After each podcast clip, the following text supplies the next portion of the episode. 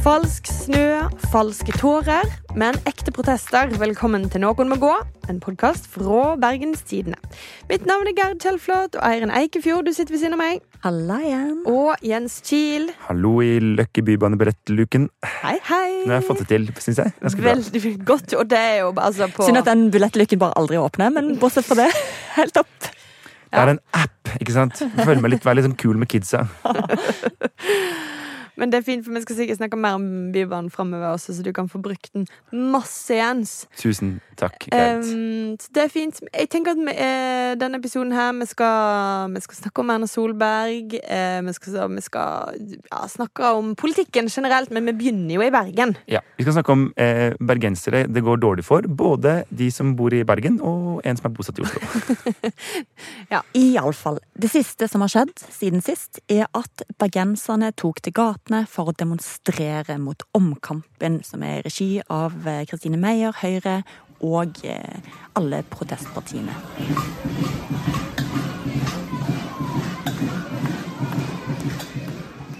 Ja, her hørte vi altså lyden av fløyter, kasserollokk, kubjeller og ikke minst sinte bergensere som ropte 'bygg den banen'. Og det var altså aktivistgruppen Bergens Mødre som tok initiativ til denne samlingen. Og det endte da med at de marsjerte mot rådhuset og spikra reguleringsplanen opp på veggen. Det er veldig sånn luthersk eh, Ja, det Vi var innom det sist. Det er sånn nerdeprotest. Men det kom mange på nerdeprotesten. Det var flere hundre, så vidt jeg Det var hørt. godt oppmøte, vil jeg Ja. si. Ja, eh, Ikke bare mødre. Også fedre.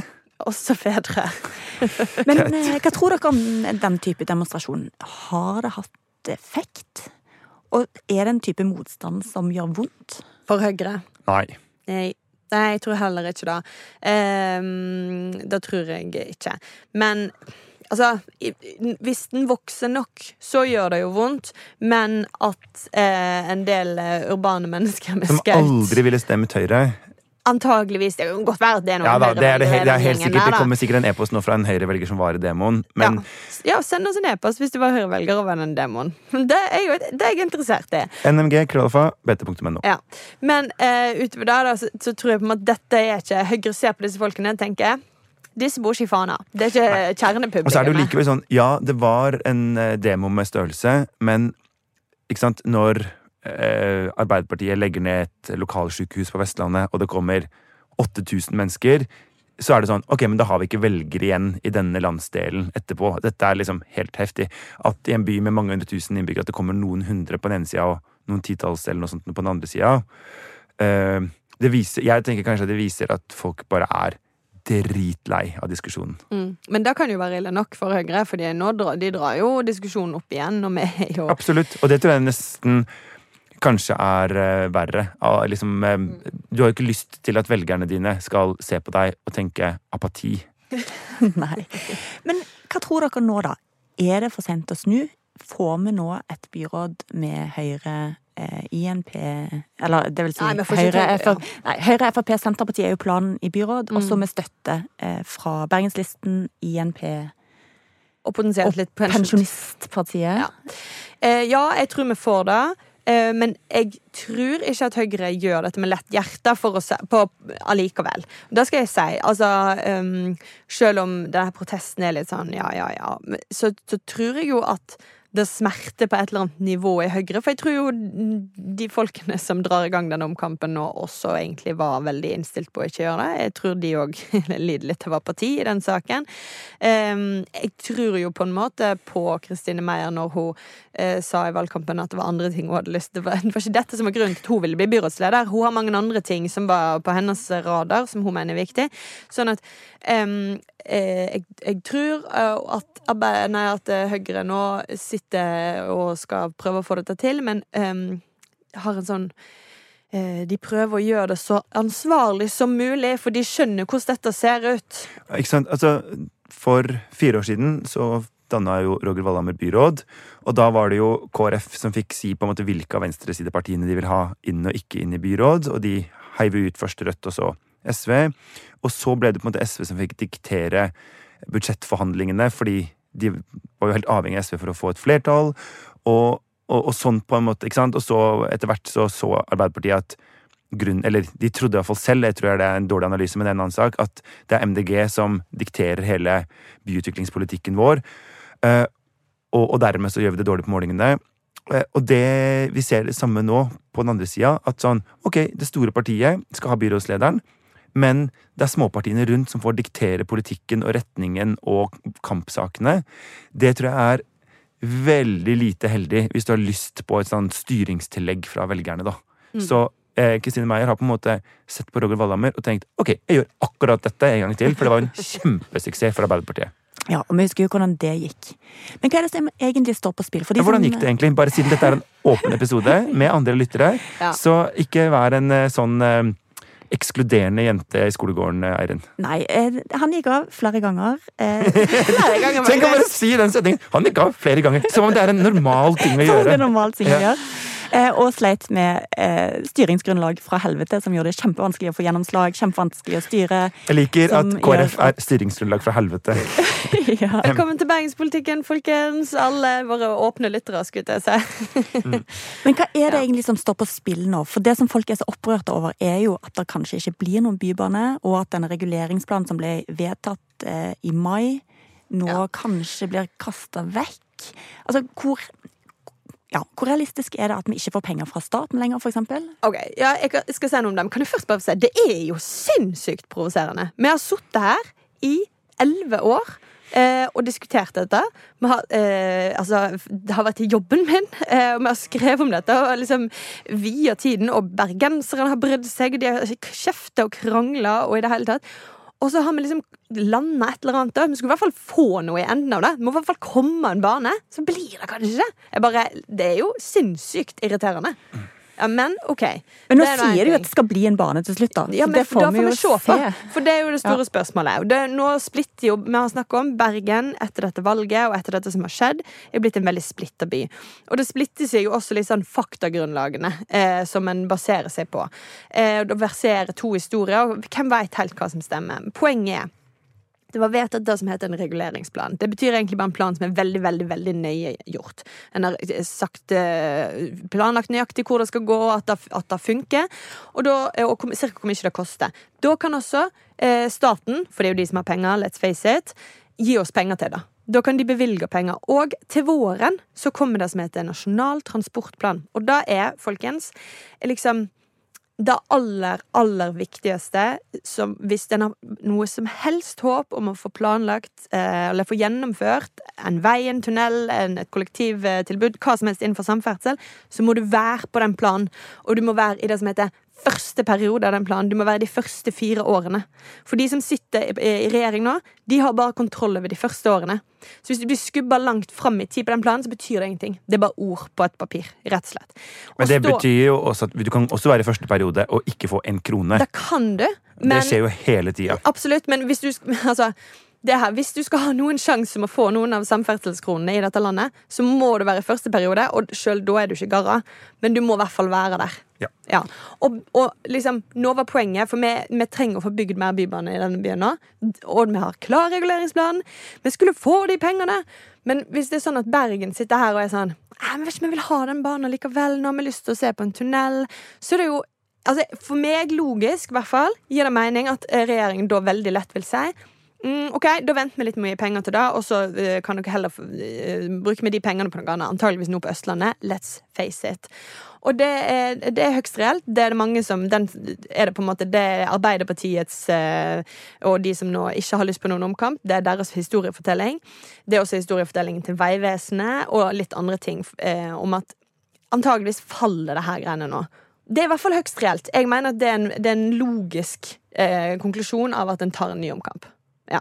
Og så er det ikke, det er ikke helt sikkert. For det som Høyre ser, da, er sånn Jo, men regjeringen kan jo bare gi penger. De står fritt til det. Hvis de ikke gir penger, så er det på en måte det deres feil. Som er, jo, igjen en uf- ufattelig ansvarsfraskrivelse av Høyre, som hele tida er sånn Hvorfor bryr folk seg om hva vi gjør? Altså, eh, for- Kanskje andre bare fikser ting? Og poenget deres er jo at Formelt sett så er det ikke et krav om at prosjektet skal være ferdigregulert for å være med i denne NTP, som er målet å komme inn. Men Nasjonal transportplan. Yes. Men så er det jo selvfølgelig en risiko hvis du altså et argument mot. Sånn som så, eh, Tone Oppedal i Statens vegvesen sa til oss. En setter det litt på spill nå. Åpenbart setter du det på spill. Men samtidig, ikke sant? Altså, Statens vegvesen er en dypt politisert etat som ikke brenner for ting som går på skinner. De De brenner bygge for, kule broer. de brenner for eh, ting som eh, eh, inneholder asfalt, og hvor du kan kjøre biler. Kontroversielt det- der nå. Statens vegvesen er jo bare en etat her. Bare et ja, eh, ikke sant? Men det her er jo eh, Forklar hvorfor du mener det, da. Altså, de har på en måte over veldig mange år hatt en veldig tydelig stemme i norsk offentlighet, hvor de argumenterer sterkt for sine prosjekter eh, mot på en måte andre måter å, å reise på. Eh, og det eh, har Vi har jo hatt svake samferdselsministre i Norge i mange år, og de eh, vi har hatt som har vært sterke, som Ketil Solvik-Olsen, for eksempel, fra Frp, han var jo enig med dem i at det Du er sterk hvis du vil ha asfalt. Ja, sånn, han, han, så det var ikke noe problem for han, mens for andre som på en måte ønsker en annen retning, det ser ikke ut til å være så, så lett å få de til å liksom styre seg, da. Eh, men, men. Ja, og så er det jo denne Fløyfjellstunnelen, som er på en måte proppen, sånn inngangspartiet til Bergen med bil. Nei, det er jo hovedporten til Bergen også, med bil. Og Ja, det, eh, eh, for folk fra Oslo Dette tror jeg ikke er så lett å forstå. Altså, for, fordi der er det liksom Det er mange veier inn og Er det når fra- du skal forklare konseptet fjell? Jo, men, men ikke sant, Bergen er jo Hvis du kommer fra østfra, så gjør du en slags eh, 270 på et vis. Kjører opp til Åsane, ut vestover, sørover, og så Nå ble jeg måte... veldig forvirra. Kan man bare se for oss en flaske Ja, og en flaskehals? Det, det er kjempesmalt, ikke sant? Sånn at hvis den eh, ikke blir utbedra, så får man heller ikke bygd Bybanen i sentrum. Ja, og Planen er at den skal bli utbedra uansett, men spørsmålet er om en samtidig skal forlenge den. Det koster mer, men det handler om Bybanen òg. Og det er jo et valg å ta. Så det, poenget egentlig er at mange av de tingene som skulle gjøres rundt omkring Bergen, som jeg nå på en måte har sagt OK, vi har krangla om det i ti år, let's do this.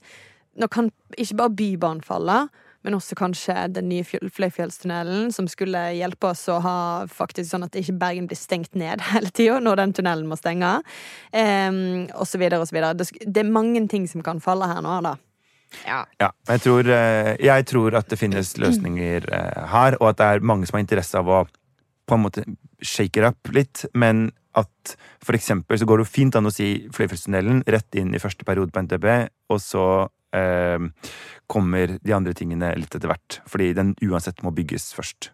Ja, Og så kan du jo bare la den reguleringsplanen du har ligge inntil videre, mens de driver og utreder andre ting, sånn at en Absolutt. formelt sett har et dokument Ja. eh, med ord på Og- som eh, kan poenget skaffe er- penger. Ingenting er svart-hvitt, men usikkerheten ble veldig stor, da. Og det For å si Altså eh, Helt i bunnen av alt dette ligger jo selvsagt oppfatningen her i Vestlandet, på Vestlandet om at vi får jo aldri noen samferdselskroner uansett. Så hvis vi skal få det, så må vi kjempe. Vi må liksom Vi må ofre blod eh, for å få det. Og da har vi jo på en måte gjort i ti år her i Bergen. Men så liksom ødelegger man for seg sjøl på, på målstreken, da. Det er litt den følelsen som mange sitter med. Og så får vi se. Vi får se hva som skjer. Sånn som ny vei og bane til, eh, til Voss. Det, det har vært klappa klart, alle har vært enige hvor det skulle gå, ikke noe uenighet noe sted. Og Erna Solberg har stått på alle stasjoner hele veien og lova det i alle valgkamper. Ble ikke noe penger likevel. Nei, men det er jo det Så det er liksom det, er det som er, da. hoppe- At det kan jo godt hende at, at når vi, om vi hadde vært helt enige nå, alle bergenserne hadde belita seg og sånn, så hadde eh, samferdselsministeren kommet på, når han legger fram Nasjonal transportplan, og sier sånn Bare kødda, dere får ikke noe uansett.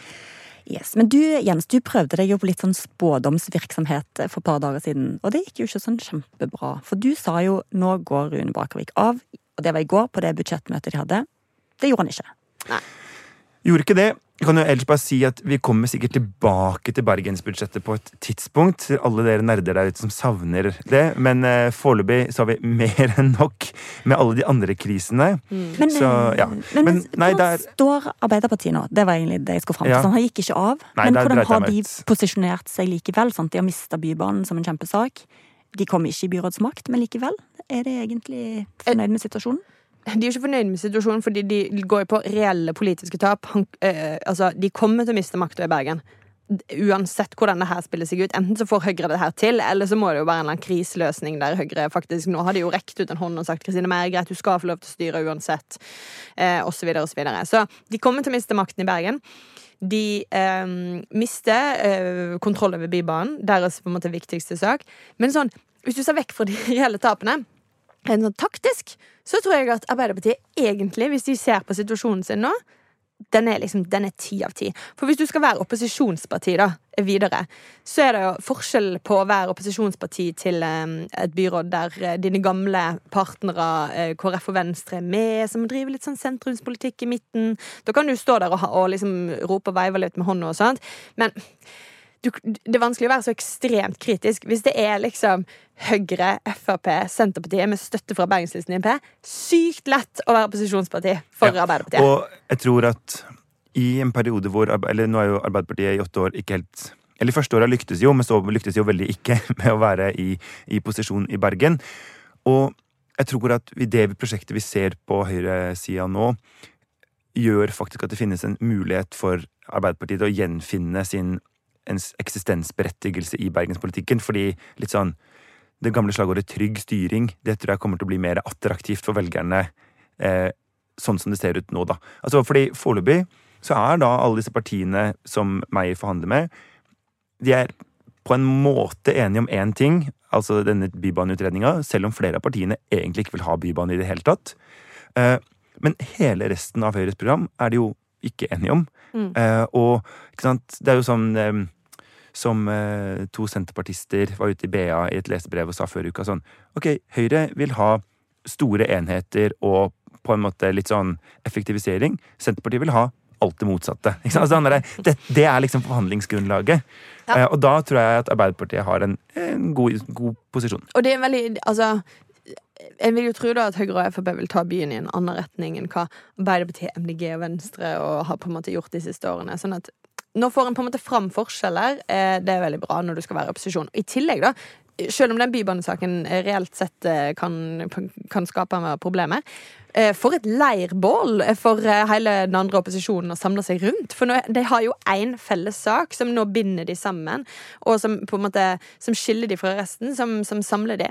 Ja. Så. Og så er det jo sånn Eh, da, altså dette sitatet har jeg trukket fram så mange ganger at vår faste lytter er sikkert lei av det, men da Kristine Meyer i våres var i Dagsnytt 18 og advarte om at venstresida kunne få makt, for da ville det bli omfordeling av eh, kommunale boliger. Og noe av det siste som eh, Rune Bakevik faktisk gjorde da han la fram budsjettet, var jo eh, både litt omfordeling i form av eh, eiendomsskatt og 200 eh, mill. ekstra til kommunale boliger for familier som trenger det. Og det betyr på en måte at det er jo en del sånne ting her hvor Meyer nå må rett og slett eh, si nei, de pengene har vi ikke, vi skal bruke de på skattelette. Og dermed så er det litt lettere for Arbeiderpartiet å få vist fram at det faktisk er, det har noe å si da, hvem som styrer byen. Ja. Nei, så og for å komme med et sånn... eksempel for å forklare deg, Geir, det du akkurat sa. Topp. Sånn, da Topp. skjønte du eh, Da fikk du en manns Absolutt.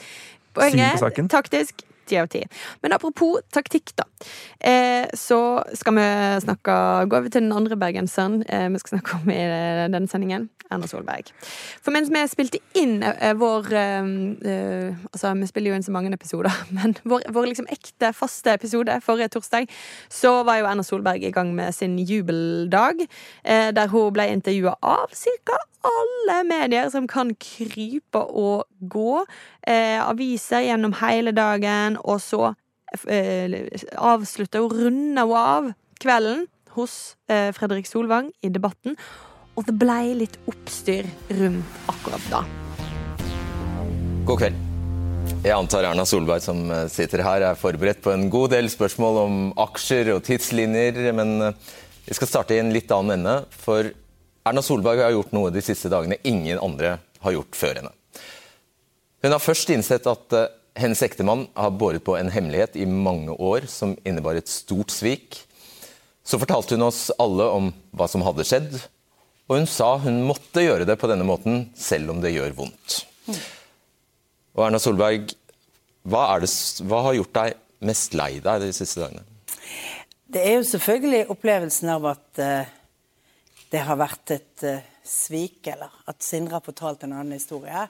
Jo selvfølgelig også at du blir lei deg. Ja. du- Eh, dere hører, dette var introen til disse eh, minuttene der han eh, Det var de to som snakket sammen gjennom hele programmet. Og det var liksom i denne her tonen det gikk. Og han har jo da fått massiv kritikk for å ta henne med silkehansker. Vi må jo bare huske at dette programmet heter Debatten, og at han vil være revolverjournalist. Eh, og her var det pusintervju.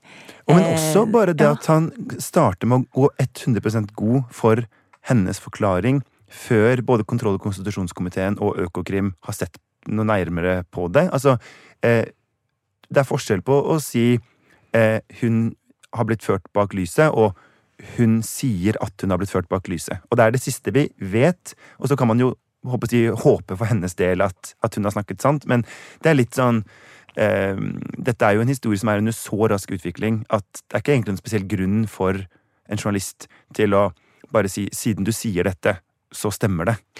Ok, men sant, eh, i det her eh, programmet da, så, så gikk han jo ganske langt inn i privatsfæren. Eh, Man fikk høre om på en måte hennes tanker rundt å leve med Sindre Finnes, og noen du har blitt sveket av eh, eh, videre. Um, det er jo litt av folk har lyst til å høre òg, da. Var det ikke det? Altså, det er jo, det er jo Jo, er jo- av interesse og Ja, Og det er jo vår oppgave som journalister, er jo å lage ting som folk liker å høre på. Jo, Altså, det er jo sånn- også det, da. Ja, men litt sånn Hvis, hvis du tenker Hvis du hadde tenkt nå er det så mange som har stemt Høyre, så nå må vi være litt greiere med Høyre, ellers så liker ikke eh, abonnentene våre BT lenger. Nei, Men jeg det er tror jo at det er helt sant, sant. Det menneskelige aspektet her, og det som folk flest kan relatere seg til, er jo ikke aksjekjøp og masse greier og være statsminister og sånn. Det er jo bedraget, sviket. Ja. Han gikk bak ryggen. Hvordan kan du stå i det? Altså, det er jo det som er popkorn-elementet. Det, som folk vil ha mer og mer av. interesse. Men selvfølgelig eh, da var det jo det var noen som på en måte har, eh, har forsvart dette intervjuet med at det var jo 18 andre intervjuer i alle nettaviser den samme dagen der hun ble spurt veldig masse om aksjene og hva som faktisk hadde skjedd, osv. osv. Eh, siden folk hadde fått alt da, så eh, tåler man også å gå ned i på en måte det menneskelige i dette. For det er jo åpenbart en interessant menneskelig historie eh, her. Absolutt. Men som, som nok har en eh, appell som er høyere enn på en måte aksjer i seg sjøl. Men, det er jo så- men det er jo ikke gitt at alle andre har lest alle de 18 intervjuene, for de er jo ikke journalister som Nei, det er oss, akkurat det, og det er jo det som er den journalistiske kollapsen her. At han bare kjøper hennes historie i utgangspunktet, og ikke stiller de kritiske spørsmålene. Og du kan jo stille ganske kritiske spørsmål i en mer koselig setting. I en sånn setting som det, Ja. så kan du vise fram at du faktisk Fordi har en kritisk han har jo tilnærming. eh, Mange har jo sagt sånn eh, Jeg skrudde på debatten og fikk eh, Lindmo. Og Lindmo, i motsetning til dette intervjuet, lykkes jo ofte i det. Og faktisk stille noen kritiske spørsmål, men pakka inn i en sånn hode litt på skrå-innpakning. og det, det er jo bare å spørre om de tingene, på en måte. Ja, det kan funke ganske godt egentlig å spørre om ting på en Ja, avvæpnende og, men her var det jo bare totalt sjangerbrudd med det dette programmet egentlig har tenkt å være, og det det ble. Ja. Likevel, da. Altså, hvis vi ser vekk fra da, den dagen der, der Erna Solberg altså stilte i alle disse intervjuene én etter én etter én etter én, fra liksom ti om morgenen til eh, Jeg vet ikke når eh, debatten var ferdig, men altså ni eller noe sånt. Altså, det er tolv timers strekk med intervjuer der hun eh, forklarer seg om denne saken. Ingen andre i Norge kunne gjort det. Ingen andre har, er, er av det kaliberet at de kunne tålt det. Å bare sitte i det og stå Monica i det. Mæland, Nei. tror du ikke det? Nei. Du var jo ikke med på dansevideoen engang, Jens. Nei, er Nei, nei. Nei. Nei, men det er jo kjempeimponerende. Altså Hvis du ser vekk fra Dette er jo toppregissert, men det at du gjennomfører det sant, på den måten, er veldig rolig, svarer på spørsmål Altså Hun har jo virkelig gjort en Altså Fra et sånn PR-perspektiv, da. Det er jo helt vanvittig. Ja, jeg tenker at eh, altså, de gangene jeg har sett Støre i lignende situasjoner, altså type eh, Trond Giske-komplekset og, og den type saker, så har jo han gjort mye av det samme, på en måte. Sånn, sånn 18 timers arbeidsdager, dag på dag på dag, og så bare svare ut. Eh, og så han, han er jo av det kaliberet. Ja. Eh, men det, krever, det er jo noe veldig spesielt, ja. Og så tror jeg det er hennes person, det at hun er så rolig alltid, er jo en utrolig god hjelp. At For det handler jo om Hun skulle gjenopprette tilliten til seg sjøl i løpet av denne dagen. Sant? Og altså, Ja, og så er det jo det, Du ser jo at de mediene som har lyktes best, er jo de som har eh, eh, utnytta det som er Erna Solbergs svake side i intervjuet, nemlig at hun veldig fort kan bli litt irritert. Og eh, da hender det jo at hun svare på en litt annen måte enn du hadde tenkt å svare, eller sånn, og hoppe litt ut av manuset. Og det er jo en sånn eh, Hva skal jeg si Det er jo ganske velkjent i pressekretser at det er det som er trikset, på et vis. Men etter denne dagen da, så ble det jo faktisk òg stille en stund. Altså, Hun klarte å ta litt sånn luven av ting. Det ble stille i hvert fall eh, noen dager. Det eneste folk diskuterte, var jo den her eh, tåren. Eh, glitteret, tåren. Hva Ja. var det i øyenkroken? Sant? Altså, Hvor mange konspirasjonsposter var der ute på alle sosiale medier? Bare, Herregud, har de sminka en tår på og har altså, Og det er ganske drøyt at vi er kommet dit. At det liksom da folk bare Jo, men Hvis folk har lest avisene, så ser de jo hvordan Høyre har sminka eh, listene. Ikke sant? Og da er det sånn at de i tillegg har sminka partilederen. At jeg skjønner folk kan tenke det. Vanligvis Og det er første TV er jo verre enn det andre. Vanligvis når man er på TV, så blir man jo også sminka av TV-en, da. Eller av de som eh, At man er i sminken på hos TV-kanalen. Men uh, Du tenker at Fredrik Sonvang trengte litt sånn gråteshow? At han bare bestilte en liten eh, det. tåre? Det er dette vi går for. ja. Jeg, jeg, jeg har vel en teori om at du har kanskje litt, bare litt tette tårekanaler. Og at det var noe glitter fra den øyenskyggen som Det, det, falt ned. det er i hvert fall ganske drøyt da at man går inn i sånn Å, herregud, de har faktisk gått så langt at de sminktårer på. Um, det, Det det er en debatt som er blitt ganske giftig. Eh, ja, Men det sier jo også kanskje noe om en, eh, en tillit til Erna Solberg som er i raskt fall. Altså, Henrik Asheim sa vel i et av de første intervjuene eh, liksom eh, etter den første helga at sånn Jeg tror vi alle kan skjønne at Erna Solberg snakker helt sant i denne saken. Litt sånn der, Folkens, dere, dere veit at dere kan stole på Erna. Og så bare er ikke folk der lenger. Men, uh, Men, ja, men hun lyktes jo i halvannet døgn i å faktisk olje på vannet. Ting roer seg. Dette er bra. Og så har vi kommet i gang igjen. Fordi uh, så kom lørdag morgen. ja, kanskje du bare drar gjennom uh... Ja, for da lørdag så eh, publiserte Klassekampen et av de intervjuene som ble gjort. Fordi Klassekampen, min gamle arbeidsgiver, har jo papirdeadline ganske tidlig. Og så fikk de et intervju sånn i fem drager på ettermiddag eller noe. Så de hadde ikke mulighet til å få det ut i fredagsutgaven. Men det gjorde egentlig ikke noe for dem, for i stedet for at de kom i denne liksom flommen av, av andre, altså gråteflommen, får vi si, så kom de lørdag morgen med saken eh, om at eh, Erna Solberg i åtte år som statsminister aldri på et eneste tidspunkt stilte eh, Sindre Finnes spørsmålet hvor mange aksjer eier du? Det vil si at hun hver dag i åtte sammenhengende år brøyt sin eh, undersøkelsesplikt. Eh, og det forandra jo litt sånn status, fordi til da så hadde jo historien vært, som vi alle har blitt bedt om å tro på, at sånn Man sitter jo ikke og prater om aksjeporteføljen til ektefellen over eh, liksom ettermiddagskaffen hver dag. Og det var det mange som hadde forståelse for. Jeg tror litt færre har forståelse for. Du ble statsminister og stilte aldri spørsmålet 'Hvor mange aksjer eier du?' Altså, ja. Og så eh, kom jo eh, Men når du, når du sier det sånn, da, i åtte år Altså, eh, for, i, veldig mange Altså, jeg er enig i at det er merkelig når du, når du først går inn i den statsministerrollen. Det har jo åpenbart vært sykt lite oppmerksomhet på eh, faren ved å eie aksjer, når det aldri har blitt diskutert i starten. Men etter starten så syns jeg jo ikke nødvendigvis det er så veldig rart. Eh, men det Nei, nei, men så lenge tallet er null, er jo Det er for lavt tall, på en måte. Altså, hadde, tallet vært Ja, Tallet var jo åpenbart ikke null. Hun var jo klar over at han eide noen aksjer. Nei, men nei, altså Tallet på antall stilte, stilte spørsmål var Ja, null. sånn, ja. Ikke sant? Hadde tallet vært Ja, jeg spurte om det i 2013 da jeg ble statsminister. Mm. Eh? Så hadde hun på en måte hatt en la oss si en bedre sak, da. Ja. Og så kom jo sakene bare dundrende én etter én. Eh, fordi problemet med denne saken for Erna Solberg er at det er for mye. Altså For det første så det viste at det var ganske mye feil i aksjelistene. Det var det vel Aftenposten og E24 som avslørte. Eh, og så har jo Høyre, et- etter at de først sa liksom dette er den komplette lista, eh, sagt nei, nå nekter vi å legge frem noen mer lister. Og de mangler jo ganske mye informasjon. Eh, Blant annet summene han Ja, har kjøpt for. og ja. så har jo de, altså VG og E24 klart å grave fram ganske mange eh, summer likevel. Og da har det vist seg at i 45 eh, børsregistrerte selskaper så har han eid aksjer for over 100 000 kroner.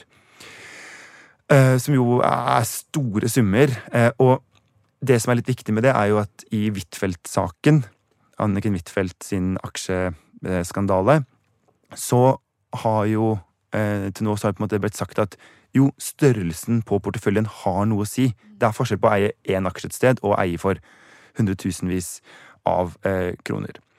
Og så har hun da sagt, og det her sier jo noe om en slags, en slags eh, personlighet, at de mener at aksjepris er personopplysninger. Eh, og greit at du er medlem av Høyre, men eh, aksjepriser er ikke personopplysninger. Eh, og det, har, det er ikke bare at jeg mener det, det mener også Datatilsynet. Bare sånn at vi, og de er jo ofte litt mer opptatt av å hegne om folks personopplysninger, og kanskje nettopp derfor opptatt av å si at vi må hegne om det som er personopplysninger, og derfor kan ikke folk misbruke det uttrykket. Så eh, har vi jo også hatt eh, den kanskje den saken som har fått mest oppmerksomhet, som er eh, dette Wilhelmsen Valenius, som er et rederi. Eller Valenius Wilhelmsen. Ja, ja. Ja. Det er et rederi, Ja, med et rederiaktig navn. får man si. Ja, det får man si. Eh, hvor eh, Erna Solberg visste at eh, Sindre Finnes eide aksjer. Stilte opp og lagde en skrytevideo for selskapet likevel, og nekter jo fremdeles for at hun da var inhabil. Eh, og så er det jo den andre sida at litt etter dette, denne skrytevideoen eh, så tikka det inn 300 000 kroner fra dette rederiet på Høyres valgkampkonto. Men det er en helt annen sak, eller Ja. hva? Og det er det som er interessant, at nå etter hvert så begynner jo Sindre Finnes å liksom gli litt ut i bakgrunnen. Fordi denne saken handler egentlig ikke noe særlig om at han har eid aksjer. fordi dette er jo en portefølje som Erna Solberg har vært kjent med, og hun likevel har stilt opp og skrytt av i en reklamevideo, og, eller en skrytevideo, og eh, de får penger inn til Høyre. Og da er jo plutselig Erna Solberg og Høyre komplekse, og ikke noe om Sindre Finnes. Men alle de der pengene de får, altså det er jo en praksis som flere partier eh, kjører. sant? Altså det er jo Å få valgkampbidrag er jo ikke uvanlig, og at private altså næringslivsaktører gir penger til partiene, er ikke uvanlig. Det gjør jo også fagforeningene, for det er jo gjerne Arbeiderpartiet som egentlig er mottaker av aller mest eksterne penger fra fagrørsla. Så her er det jo på en måte Altså det er jo en sak som er av et litt annet kaliber der en må diskutere hva som er ok partifinansiering, og på en måte hvordan skjer da i forhold til motytelser, da. Det som var problemet med det, var jo at ehm, at eh, Høyres pressesjef gikk jo da ut og sa at liksom Dette er jo eh, Ja, jeg tror jeg skal bare lese det, egentlig. Eh, og antyde at det skulle være en slags sammenheng mellom økonomiske bidrag fra Wilhelm Wilhelmsen til Høyre og at hun stilte opp på denne vi- enkeltvideoen, blir i overkant søkt. Skal ikke Jonas Gahr Støre kunne lage videohilsener til LO fordi de donerer penger til Arbeiderpartiet? Og det er det jo veldig mange Høyre-folk som sier at nei, det burde han ikke kunne gjøre. Ikke? De, er jo, de bruker jo den, det samrøret mellom LO og Arbeiderpartiet som en sånn De kaller det ikke korrupsjon, men de antyder på en måte at dette er et så eh, ille opplegg at det stinker av hele greia. Så det er, en, det er jo en eh, måte å bare egentlig dra seg selv ned på. Men det viktigste som har skjedd siden dette intervjuet med Erna forrige uke, er jo at fokus har endret seg fra hva gjorde hun feil? For det var jo veldig eh, sterk fortelling fra Høyre om at det er han, vi hiver han under bussen, han er skurken her, hun er bedratt. Eh, dette er sant, Hun kan reise seg, hun kan bli Høyre-leder igjen. Og så nå må vi bore i hva burde hun ha visst? Hva er hennes problemer her? Og de viser seg jo å være ganske store. Ja. Og det viser seg jo at, at hun rett og slett ikke har vært, eller virker på en måte manisk uinteressert i å ha ting på det reine, holde litt avstand. Altså, ikke sant, når de sier ja, men det er klart at statsministeren stiller opp og lager skrytevideoer for enkeltfirmaer hele tiden. Så er det sånn Å, gjør du det? Er, det? er det egentlig så veldig bra at hun gjør?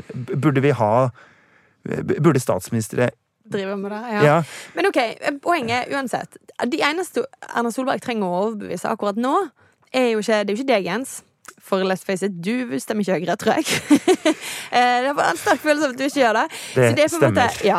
Eh, og det er egentlig ikke Høyres velgere engang på, i første omgang. Det er faktisk Høyres medlemmer hun er nødt til å overbevise. Men selvfølgelig, det henger tett sammen med Høyres velgere. Borgerlige velgere, på et vis. Ja. Men resten av Norge kan jo egentlig si hva de vil. Altså, det er jo to andre grupper hun er nødt til å overbevise. Hun er nødt til å overbevise Økokrim. La oss bare ikke glemme det. Eh, og det er jo den måte juridiske delen av det. ja. Og så er hun nødt til å overbevise eh, kontroll- og konstitusjonskomiteen på Stortinget eh, som jo handler mer om det politiske ansvaret. Og så er hun faktisk også, eh, inn mot neste stortingsvalg, nødt til å overbevise eh, de tre andre borgerlige partiene. Eh, og det handler jo om politisk tillit. For hva Altså, nå er det jo Venstre er jo et av de partiene som er mest sånn eh, altså Det er jo Venstre som har saksordføreren for dette i kontroll- og konstitusjonskomiteen. Og det er klart at det er vanskelig for de tre andre partiene også å stille med en statsministerkandidat som er f.eks. under Økokrim-etterforskning, eller hvor eh, det er funnet alvorlige svikt i hennes håndtering av habiliteten gjennom åtte år. Og fra Høyres side så er jo denne vurderingen sannsynligvis ganske iskald. Lønner det seg for partiet at hun er partileder, så forblir hun det. Lønner det seg ikke, er tilliten så svekka, tror de at de taper på det, så må de finne en annen løsning. Så den okay. er jo Men eh, hele denne eh, Erna-saken går jo inn i rekken av eh, mange politiske skandaler vi har snakka masse om. det. Du har jo nevnt det også nå i dag. Eh, Huitfeldt-saken, for eksempel. Altså, la oss bare liksom to minutter på slutten her nå bare snakke om den derre Den litt sånn større krisen oppi dette. For de som glimrer med sitt fravær i kritikk nå, er jo egentlig Arbeiderpartiet. Eh, De har jo begynt å minne om sin egen krise, bare for å liksom Fordi de kan ikke kaste seg på Erna Solberg, for de har så mange svin på skogen sjøl. Og det er jo noe interessant, eller ikke interessant, men også urovekkende, da, med at, mm, at det er de to store styringspartiene som opplever såpass alvorlige saker, som får sånn eh, skudd for baugen når det kommer til tillit. For det må vel være sånn at noen partier er mer avhengig av folks tillit enn andre. Vi har det sånn I media så gjør, gjøres det av og til noen sånne tillitsundersøkelser. Og vi i Bergens Tidende er veldig avhengig av å ha høy tillit. Eh, NRK er veldig avhengig av å ha høy tillit i folket. sant? VG, for eksempel, ikke så avhengig av å ha så, så høy tillit, fordi at de har jo alltid blitt tatt litt useriøst. Så det er jo på en måte mer enn litt sånn der eh, De må ha sånn passe mye tillit. Ja! Er Og så- sånn, Og så skal de være litt gøyale også! Ja, Og så har Dagbladet har temmelig lav tillit. eh, og det tror jeg de liksom Du går dit for å få litt sånn skandaløst stoff, men du trenger kanskje ikke å tenke at det er at Eller du kan tenke sånn Ja ja, de overdriver jo litt der borte, liksom. Ja, men det blir det samme. Du går ikke til Høyre for å få litt skandaløst stoff. Nei, da stemmer du Frp! Ja. Men, og det, det som er, er at du tar opp liksom hva jeg stemmer og ikke stemmer. Men, eh, og det er jo, det er jo minimalt interessant på et vis. Men, men det som er, da, er at alle i Norge, eh, i de tidene vi lever i, uavhengig av om de stemmer, altså hvilket parti de stemmer på, eller om de ikke stemmer, får enten en statsminister fra Høyre eller fra Arbeiderpartiet. Eh, og det gjør at vi på en måte vi er avhengig av at de to partiene skikker seg greit.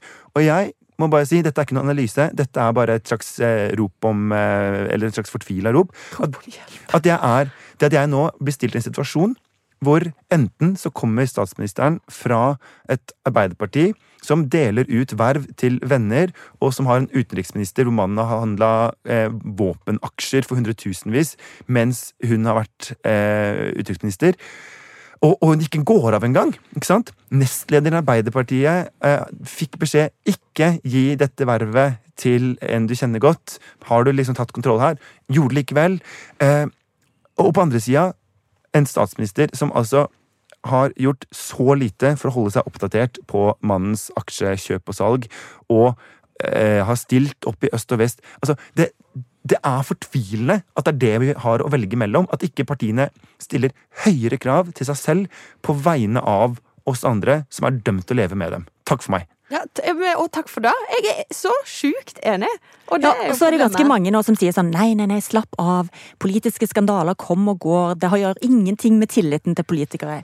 Jeg tenker at dette er litt annerledes. De skandalene som har vært tidligere, som jeg kanskje husker, er jo sånn Åsle Haga sitt stabbe det, blir- det blir så smått i forhold til dette, for dette er jo virkelig sånn De beriker seg på fellesskapets ressurser, Og- snike til seg penger de ikke skulle hatt. Altså, det er helt vilt. Og så er det det at sant, mannen til Åslaug Haga leide ut stabburet deres til en student på Ås, på Landbrukshøgskolen. Eh, og angivelig, eller sånn så vidt vi vet, uten at hun visste om det. Ikke sant? Det har ganske lite med hennes politiske gjerning å gjøre, så det blir litt sånn ja ja, det var veldig dumt, men ok, greit. Mens dette går rett inn i eh, Er du eh, inhabil som landets leder? Ja, og det er en sant? fundamental moralsk kollaps i det øverste segmentet av styringspartiene i dette landet. Og de klarer ikke å kritisere hverandre engang, for de er så lamma av sine egne feil. Mm. Det er jo helt krise. Ja, ok, dette her, dette her skal vi snakke mer om. Fordi det her er jo liksom den store fortellingen som ligger bak. Så jeg kan love deg, Gerd Margrethe Kjellflot, At dette skal vi snakke mer om. oh yes! Fordi disse krisene er ikke over. Mm, Eh, og nå starter kontroll- og konstitusjonskomiteen med sitt arbeid. De skal jo gå inn i alt dette utover høsten. Nå ber de om å få masse dokumenter. Folkens, dette kommer til å rulle og gå. Og jeg tenker at det eneste som disse politikerne i flere ulike partier ønsker, er at disse sakene skal bli Altså bare forsvinne ut og vekk. Det er vår plikt som journalister å sørge for at disse sakene blir fulgt opp til vi er i mål og har funnet ut av hva som egentlig har skjedd her. Ok. Men En personlig garanti fra noen må gå. At, Nei, det er, men det tror jeg at dette Det er jo ikke, det er jo ikke min jobb og, altså Det er ikke jeg som sitter og graver dette her. Og, og her er det fantastiske journalister i mange ulike redaksjoner. Men jeg tror veldig mange nå kjenner på at sånn Dette går bare ikke. Og, eh, og de journalistene som nå gjør den jobben, herregud, jeg hyller dere. vi, vi kan på en måte ikke avslutte med dette, at nå er det ganske masse eh, kok og, og greier rundt omkring. Jeg føler at vi alle sammen trenger å hygge oss litt på slutten av den sendingen. Vi trenger litt kos. Det har allerede blitt september. Eh, Ja, men altså, Det er under tre måneder til jul, folkens. Eh, sånn at eh, jeg tenker at det er på tide å tre måneder til fjerde juledag. Ja, Og fjerde juledag er en av de beste dagene. Ja. Juledagene. Romjula er jo det beste. Ja, ja. Og da kan du bare ligge på sofaen.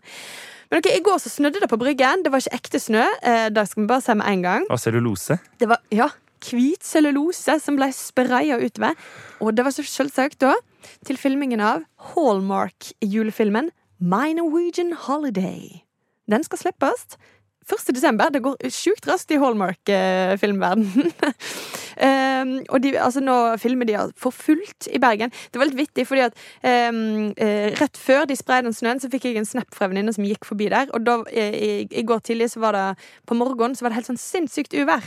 Det blåste, det regnet, så det lå sånn strødd av de juletrærne lå bare utover. Det var helt sånn mørkt, vått. Det er jo mye mer naturlig julevær. Ja, ja, det er jo det som er juleværet. Så er det jo et eller annet, men det viser jo at her har storkapitalen rulla inn. For at eh, Eiren og jeg, som er redaktører, vi får jo mye oppdateringer om hva egentlig papirprisen er i verden for tida. I og med at vi jo bruker noen tonn avispapir i døgnet.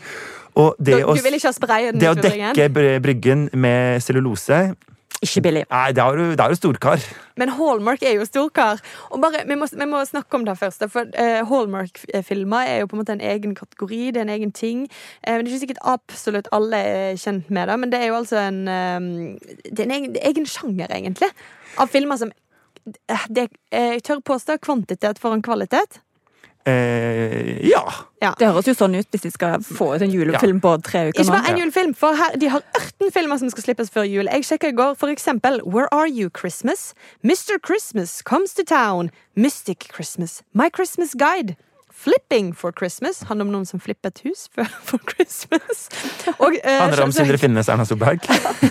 A Heidelberg Holiday. Og der er det fint. Und so weiter. Det er Oi liksom sann! Oi, det kan bare fortsetter. Ja, ja, ja. Så det er, altså, det er, det er bare Og det er jo typisk sånn, sånn filmer som er skodd Eller skodd over én lest, smidd over én lest, jeg husker ikke. Eh, jeg har mista taleevnen. Men altså, som er sånn veldig pene, men litt kjedelig Litt. utseende mennesker. Ja, ja, ja. Altså sånn, ikke sant? Som er um, type sånne folk som stiller opp i, i, i, i reklame for litt sånn um, ikke for dyre klær. Ikke sant? Du skal ikke legge merke til dem.